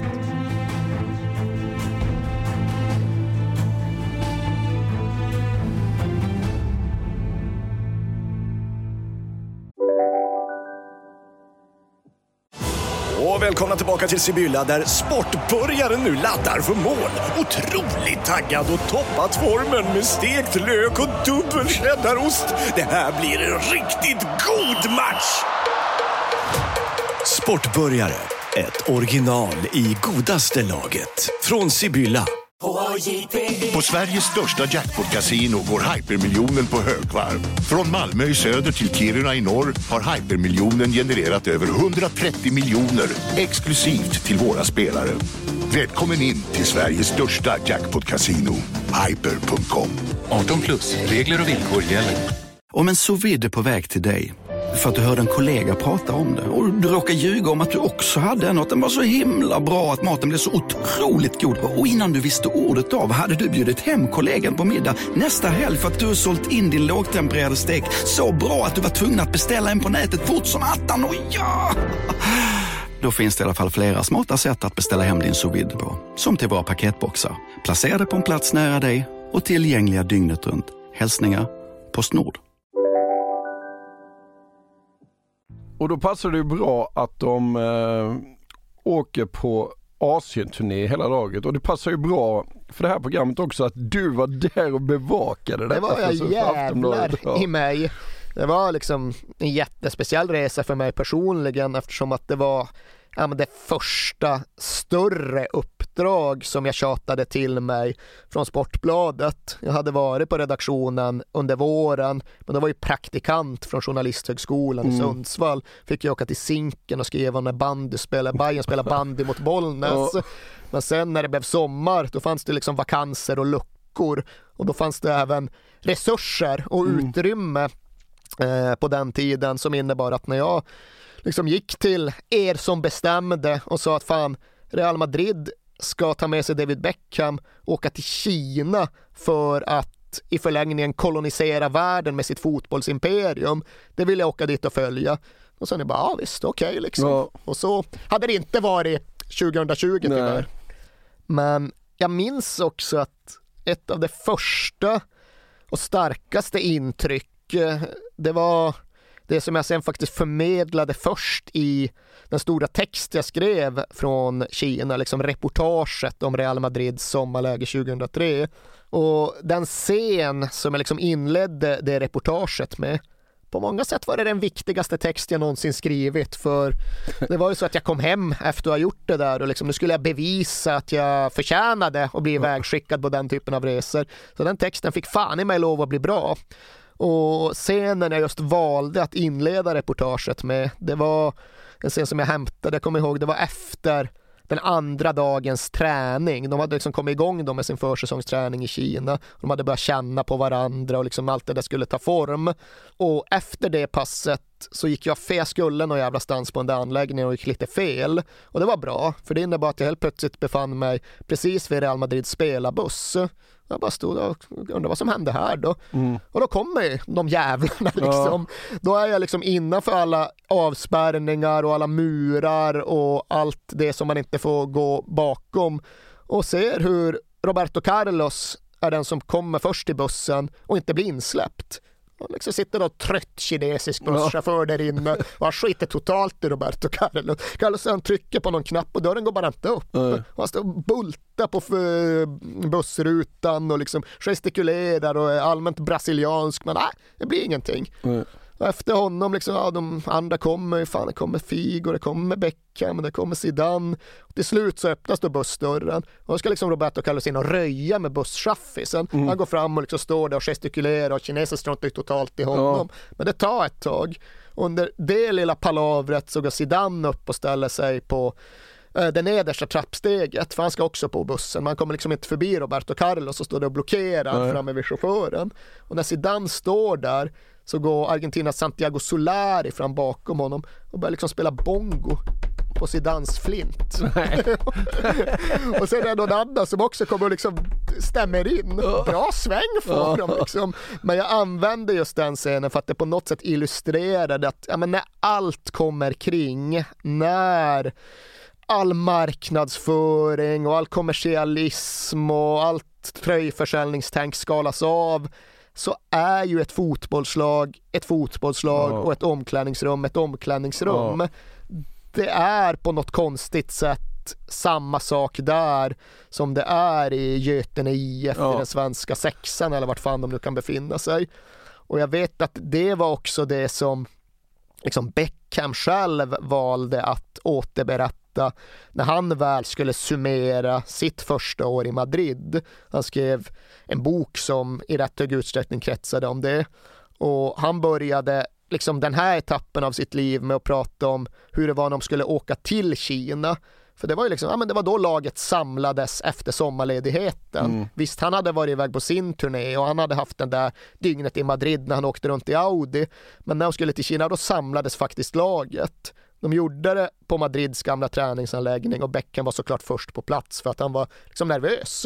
Och han satt där och var orolig och väntade. Och hur fan ska det här bli?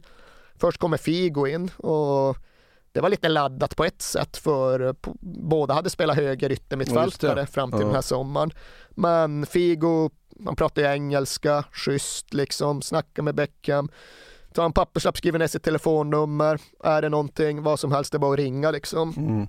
Och det som var, sen kommer alla andra, men lite samma som där vid bussen. Sen kommer Roberto Carlos, sen kommer Zidane, sen kommer Raúl, sen kommer Ronaldo.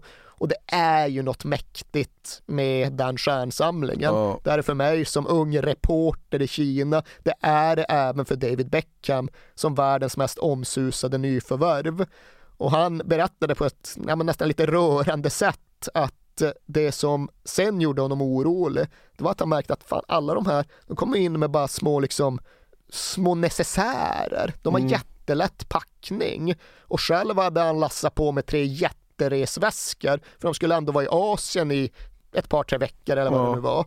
Och jag kände fan det här går ju inte.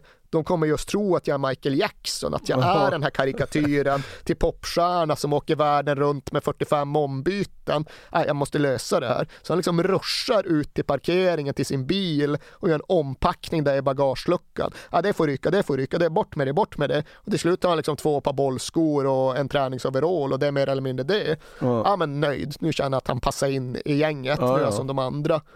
Kommer till flygplatsen, flyger iväg och plötsligt märker han vad fan, alla andra har ju hur mycket grejer som helst. Ja, då har ju bara de lagt sina tre resväskor vid liksom träningsanläggningens entré. För de vet att dumpar man då bara där, men sen ser ju personalen till att checka in allting. Ja. Sen får vi grejerna i Kina. Så han åker iväg och han har ingen packning överhuvudtaget. Nej. Utan han måste liksom gå runt och försöka låna ihop kläder under hela, under de första dagarna där borta. Och reaktionen blir såklart den förväntade. Det är inte så att han får något. Alla bara garvar och liksom låter honom gå runt i ett par flipflops och ett par shorts. Liksom. Och även där så säger det någonting om att ja, Real Madrid som klubb var något helt annat än vi tidigare hade sett. Men i omklädningsrummet så var det faktiskt bara ett fotbollslag med fotbollsspelare. Ja. Men hur, hur hysteriskt var det i Asien då? Ja, det var ju såklart helt extremt, men sen var det också så att där de hade då sin första träningsvecka en kinesisk stad som heter Kunming som man såklart aldrig hade hört talas om Nej. tidigare men som är en miljonstad. Där hade de ju liksom spärrat av träningsanläggningen med liksom fyrdubbla säkerhetszoner utanför. Så där inne var det ju hur lugnt som helst. Mm. Där var det just så pass få människor att en journalist som jag, som ändå var akkrediterad, kunde gå fel vid någon liten avspärrning och gå bakom någon skylt och helt plötsligt stod jag vid bussen och det var ingen som brydde sig så mycket. Men utanför avspärrningarna var det helt hysteriskt. Det var just sådär att eftersom att ingen kines kom i närheten av Real Madrid, då fick de ju ta det bästa som fanns och det medförde ju att jag faktiskt fick den där upplevelsen som det ibland pratas om. Bara i och med att jag var västerlänning och som journalist så hade jag någonting diffust med Real Madrid att göra. Lokal celebritet. Gick utanför bara klungor av kineser. Som lätt 40 kineser som bara liksom drog i en så fort man visade sig. Och det var ju såklart surrealistiskt som tusen. Men eh, hela anledningen att Real Madrid befann sig där, det var tydligen att den här provinsen, Yunnan-provinsen i Kina, den styrdes i praktiken av det stora tobaksföretag som var beläget i regionen, Hongta. Mm. Kinas mest värdefulla varumärke sju år i rad. Om man Kinas mest värdefulla varumärke sju år i rad, då har man pengar. Mm. Så de såg till att Real Madrid kom dit. De styrde upp allting. De såg till just att allting var totalt avskuret och avspärrat. Och när väl Real Madrid anlände så var det ju även de som styrde upp själva mottagandet. Det var inte så att 20 000 kineser kunde samlas runt Real Madrids hotell. Däremot så såg tobaksbjässen till att bussa in fem laster med sina anställda från olika tobaksfabriker i regionen. Mm. Så deras arbetsdag blev, ja men idag imorgon ska ni rulla cigaretter, idag ska ni välkomna Real Madrid. Oh. Så de stod där uppradade och liksom klappade lite förvirrat och de hade släppt dit en massa elefanter och prylar oh. och det var bara väldigt egendomligt det hela tanken var ju ändå just det där att ja, när de väl har sett elefanterna och morsat på tobaksjobbarna, då ska de kunna träna under den här första veckan. För sen finns egentligen inga distraktioner. Och så blev det. Och det innebar ju att eh, vi journalister fick ju inte direkt bara mingla runt och prata med spelarna som vi ville. Men alla träningar var i alla fall öppna. Och tack vare det ja, så kunde jag ju se alla träningspass som Real Madrid hade under den här första veckan när Galacticoslaget, det slutgiltiga Galacticoslaget verkligen skulle smälta samman. Och det fanns ju saker som verkligen slog en. En sak var ju att eh, Zidane var klart tydligt överlägset bäst liksom. Mm. Man satt och kollade och liksom tyckte att fan, han är skicklig Figo liksom. Och sen fick Zidane bollen och han gjorde liksom grejer som verkligen fick en att eh, häpna i stort sett varje gång han behandlade bollen. Så de hade världsspelare och de hade världsspelare och så hade de Zidane. Ja. Det var liksom jättetydligt bara för det blotta ögat. Men visst är det kul att se sådana här lag träna. Jag, jag såg Barcelona under Ronaldinho träna. Det, det, det, är nästan lika roligt som att se match, hur, de, hur jävla duktiga de är. Liksom. Ja, det finns ju mycket att titta på. Ja. Det här var ju precis under uppstarten när det dessutom var en ny tränare, Carlos Queiroz, som vi kan återkomma ja. lite till. Men det innebar ju att jag förstod ju att det här inte är den mest liksom drivna, det är inte den hårdaste, det är inte den mest uppstyrda träningen. Men det var ju väldigt fritt och lojt och nästan ja. lite slappt. Och det var ju väldigt tydligt vem som trivdes allra bäst med det. Och det var ju Ronaldo. Ja, såklart. Ja. Jag minns någon gång de skulle så springa efter någon pulsklocka och mm. ja, men ifall pulsen då skenar iväg så då får man lov att dra ner på tempot. Mm. Och de hade med sig 24 man tror jag Real Madrid. 23 av dem låg i klunga varv efter varv för de var ganska jämnt tränade. Ja. Och sen Ronaldo, han fick ge upp efter ett varv för då hade hans puls skenat iväg. Sen lufsade han ett varv till och sen bara gav han upp och satte sig och garva istället. För han var ju inte han var inte smärtast i stan då nej, heller. Nej. Och som sagt, det var inte så att vi kunde intervjua spelarna så som vi ville, men det var i alla fall liksom några presstillfällen om dagen. Det var lite samlade aktiviteter, det var någon presskonferens med enskild spelare. Och det var en av dem då, så kinesiska journalister är speciella. De ställer en annan typ av frågor än europeiska. Ja. Och ibland är de väldigt svävande och mycket svårtydda. Ibland är de väldigt rak på sak. Det var en journalist som pratade, när Roberto Carlos gjorde en sån där presskonferens en dag så begärde han ordet, vinkade beslutsamt och liksom bekymrat tittade mot Roberto Carlos, smattrade på kinesiska och sen kom översättningen i simultantolkslurar. Alltså, du och Ronaldo, ni har båda haft 31 dagars semester och ni har båda legat på stränderna i Brasilien med vackra damer och ätit barbecue. Hur kommer det sig att Ronaldo är så fet, men inte du? Det är ju underbar fråga. Och Roberto Carlos ska ju ta den också, sitter bara och garvar mer och sen Ronaldo är inte fet, Ronaldo är stark.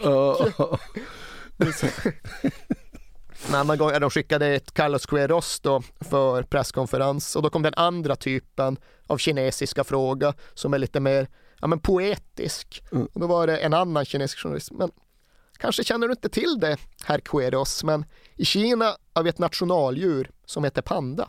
Mm. Idag är det utrotningshotat och tvingas bo i reservat. Och dit kan människor komma och titta på pandorna som lever ett isolerat liv bakom glas och galler. Tror inte du att det finns en risk att spelarna i Real Madrid börjar leva pandans liv?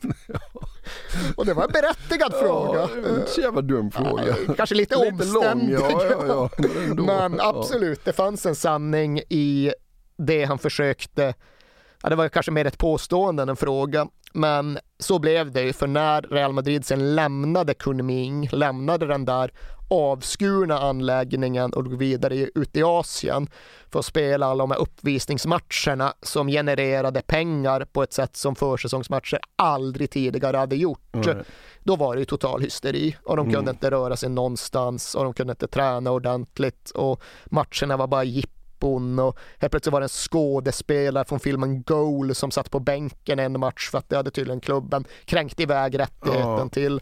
Och där var det ju många spelare som i efterhand sa att fan, de där veckorna i Asien, det var ju inte så att det var uppbygglig försäsongsträning Nej. och det var inte så att det var något som kunde kvitta, något vi kunde både ha och mista, utan det var ju direkt nedbrytande. Flyga fyra timmar, ny tidszon, ny hysteri, nya asiater, okej träna, folk skriker, ny hysteri, nytt flyg fyra timmar, vart är vi nu? Thailand, Ja. Malaysia, fan vet, okej, fyra timmar till tidsskillnad. Det var bara liksom Ja. jättepåfrestande veckor som de hade med sig när de sen till sist återvände till Spanien och skulle börja spela fotboll. Ja. You know, not many of them speak English, so um, it's been quite difficult explaining uh, um, for me to pass them the ball, let alone discuss uh, Japan. But you know, I think uh, all the players realise how important um, the fans are in in um, in Japan because you can see by the turnout today at the stadium that uh, you know it's an extraordinary feeling walking out there and uh, seeing how many people turn up just to see us train. So um, Ska vi gå in lite på säsongstarten då? Ja, det ska vi göra och den inleddes ju med den så kallade Supercupen, den som då alltid spelas mellan ligamästare och cupsegrare. Och ja, men de sätter lite större vikt på den i Spanien än i många andra länder. Det är inte bara en jippomatch. Jag tillhör ju de som vägrar erkänna någon typ av supercup som en titel. Men i Spanien så är det ändå rätt många som ser det som sådan. Det är i alla fall inte mindre viktigt än en vanlig ligamatch. Så Supercupen ska spelas och de ska möta Mallorca i ett dubbelmöte. Och i den första matchen, ja i den då första tävlingsmatchen på den nya säsongen, så går det ju åt helvete. Både för laget generellt och för David Beckham specifikt. Han är direkt dålig. Han blir utbytt med en dryg halvtimme kvar och han liksom sparkar på någon reklamskylt i frustration. Och Real Madrid förlorar ju matchen med 2-1 och såklart är det Samuel Eto'o, spelaren Ja, som då. Real Madrid faktiskt har ratat Ja. lite tidigare som avgör matchen. Det är bortglömt det där med att Samuel Eto'o faktiskt Han ägdes väl av Ja, alltså det var ju Real. Madrid som tog honom till Europa. Ja. Han kommer ju dit som 16-åring eller något direkt från Kamerun Ja. och sen ska han liksom slipas till och formas till en världsanfallare. Men ganska exakt när Real Madrid börjar ha gjort det jobbet, grundjobbet, Mm. ja då finns det ingen plats för då ska ju Ronaldo springa där och då har man inte utrymme för någon tonåring från Afrika. Nej. Så skeppar de ju iväg Eto'o. Ja. Men de förlorar den och det är liksom massor med alarmklockor som ringer. Laget ser inte bra ut. Beckham ser ju absolut inte bra ut. Och i Spanien bland fotbollsfolket så fanns det ju alltid en typ av misstänksamhet mot honom. Vad då liksom ta dit en engelsman. Mm. Spanjorer är ju generellt sett inte särskilt övertygade om den engelska fotbollens förträfflighet. Nej. Så jaha, vadå han ska slå hörnor och sälja tröjor men han kan ju knappast fylla en mittfältsplats i Real Madrid. Nej. Och den här första matchen i Mallorca, den gav ju dem vatten på kaffekvarnarna för där var Beckham svag och så vilsen ut och liksom gjorde de enkla sakerna för just den bollbehandling, touch, inget bra. Nej. Och det innebar ju att när returen sen skulle spelas, när David Beckham skulle spela på Bernabeu för första gången, ja då var han redan under press. Mm. Men det fanns ju verkligen en grej med Beckham. Han var inte världens bästa fotbollsspelare, även om han ett tag sannerligen hamnade i den där konstiga situationen där han av många var så överskattad att han blev underskattad Ja. bland liksom fotbollsexpertisen. Ja. Han var ju en jäkligt liksom mångsidig, drivande, löpstark mittfältare med fantastisk spelblick och Mm. kanske hela Europas bästa fot Ja. vad gäller liksom inlägg och långpassningar. Men han var ju dessutom en spelare som klarade av att svara upp när det verkligen gällde, när det skulle skapas stora ögonblick. Och även om det kanske inte verkar så stort med en försäsongsmatch mot Mallorca så var det betydelsefullt att Beckham faktiskt gjorde en bättre match här. Mm. Nu är det Bernabeu, nu ska supercupen lyftas åt det ena eller andra hållet. Och med den typen av inramning, ja då skulle det såklart bli så att Beckham var jättebra. Ja. För det var han i den här Ja. matchen, han var grym.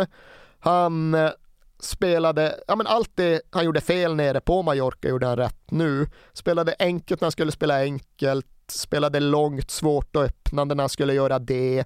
Och kom ju dessutom att avgöra hela grejen. Real Madrid går upp till en tvåmålsledning, men då står jag fortfarande och väger. Ett Mallorca-mål så är det ju helt jämnt, då är det Mm. förlängningsläge. Men då nickar faktiskt Beckham in det avgörande 3-0 målet. Ronaldo av alla människor slår inlägget. Mm. Mallorca-målvakten missar. Beckham pannar in den i tom bur och får på så sätt faktiskt ändå en flygande start i Madrid. Och det skulle ju sen bara förstärkas när det verkligen var dags för allvar, när det var ligapremiär på Bernabeu mot Real Betis. För det är inte nog med att han inleder målskyttet i den matchen. Han gör hela den spanska ligasäsongens första och snabbaste mål. 126 sekunder har gått när Ronaldo återigen bryter in från kanten och den gången liksom rullar den parallellt med målgårdslinjen och Beckham bara slår in den i tomt mål. Ronaldo para Raúl, aparece con Raúl, continúa Ronaldo, el pase, llega el primero, ha marcado el Real Madrid, ha marcado David Beckham, llega el primero en Liga de David Beckham, minuto 2 de partido, la combinación Ronaldo-Raúl, Ronaldo-Beckham coloca el 1-0 para el conjunto det är ingen svår sak att göra, men det där med att det här verkligen är en spelare som väljer sina tillfällen. Ja, ja. Det var ju en ganska central del i att han blev det globala fenomen som han verkligen blev. Och även i den här matchen, precis som i Supercup-returen, så är Beckham jättebra. Eh, det står 1-1, då drar han iväg ett distansskott som är i sig fantastiskt rent i träffen. Man kan bara följa bollen, gå som en missil från vristen på väg upp mot krysset, men slå i kryssribban Mm. då. Det som vi kallade klykan Ja, uppe i. Norrland. Ja, ja. Men den slår där och går ut, men han låter sig inte nedslås av det. Utan när Real Madrid sen faktiskt vinner matchen, avgör matchen, då är det ju Beckham som drar upp det i anfallet med en av de här långa, svepande, öppnande passningarna ut till Zidane på vänsterkanten. Zidane gör lite magi och slår in den till Ronaldo som bara stöter den i bortre gaveln. Ja. Och 2-1 till Real Madrid, jättebra Beckham, stjärnorna kompletterar varandra och in i säsongen så är det trots allt frid och fröjd på ytan i Real Madrid.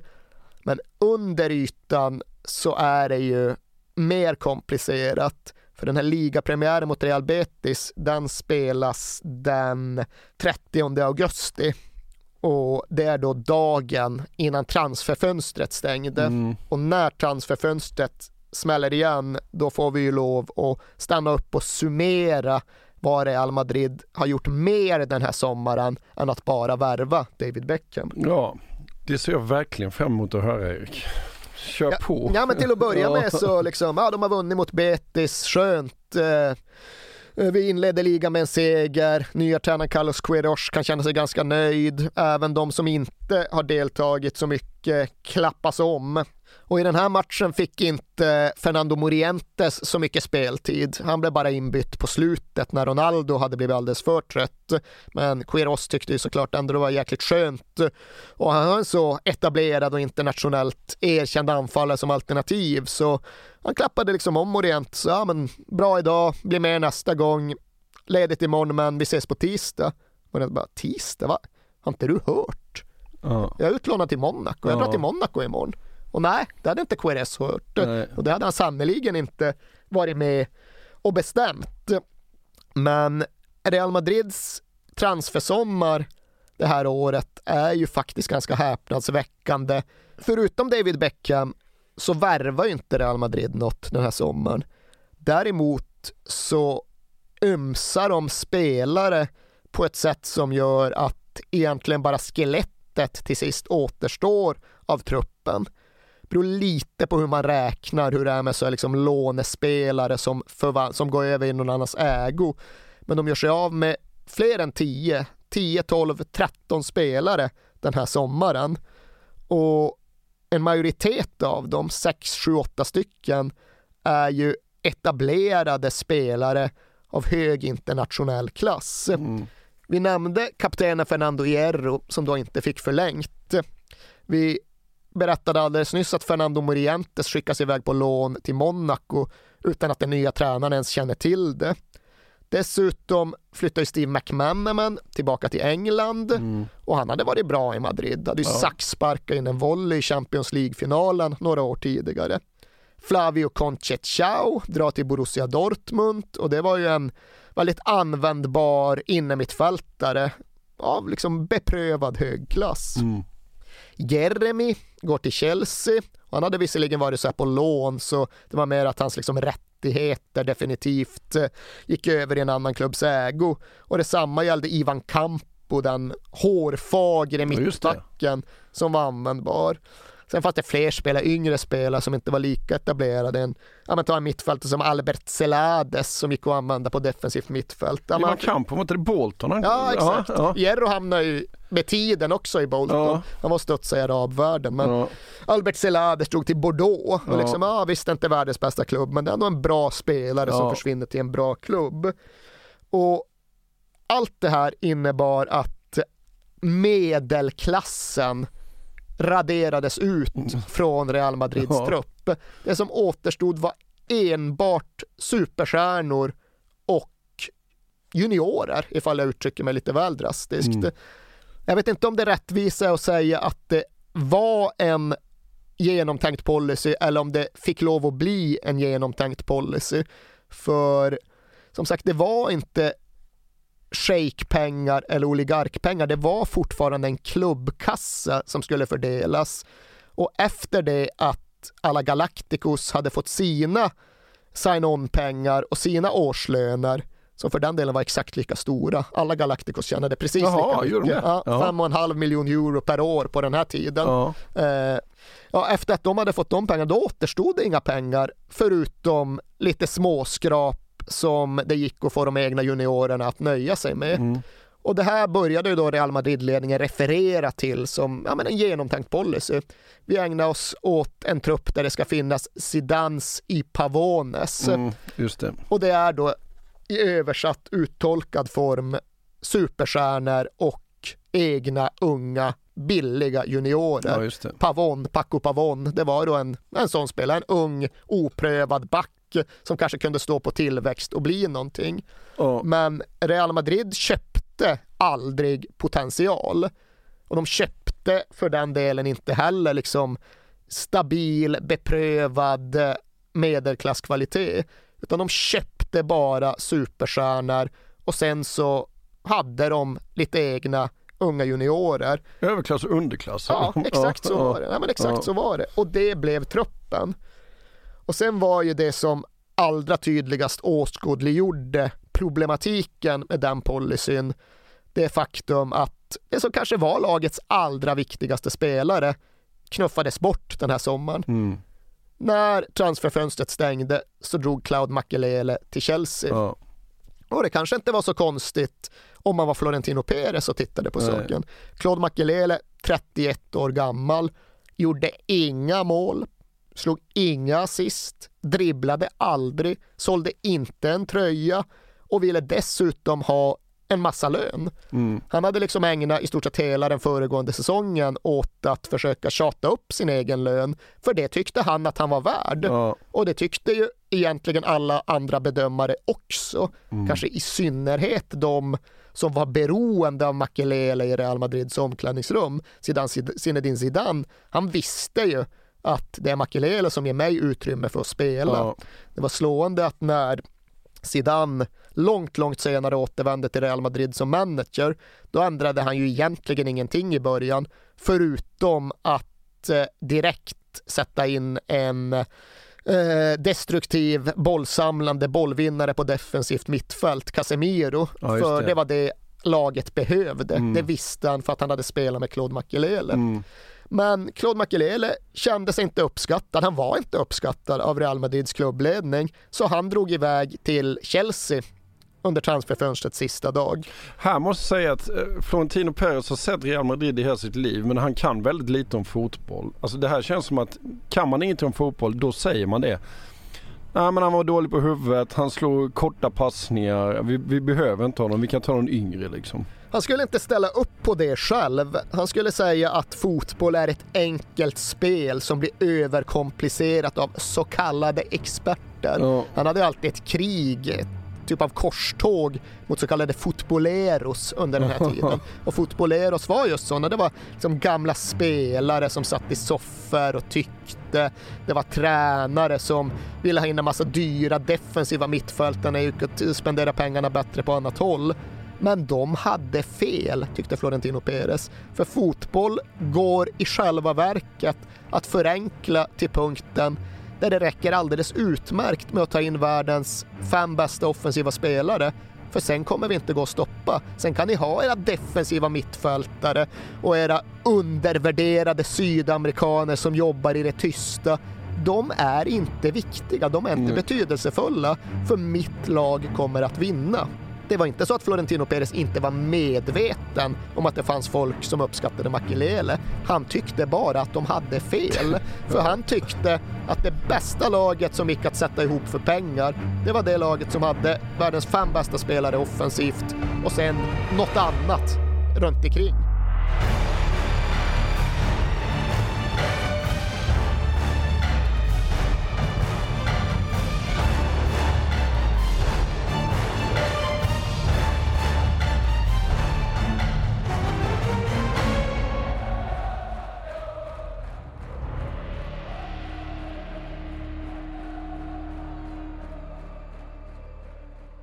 Den här podcasten är producerad av Perfect Day Media.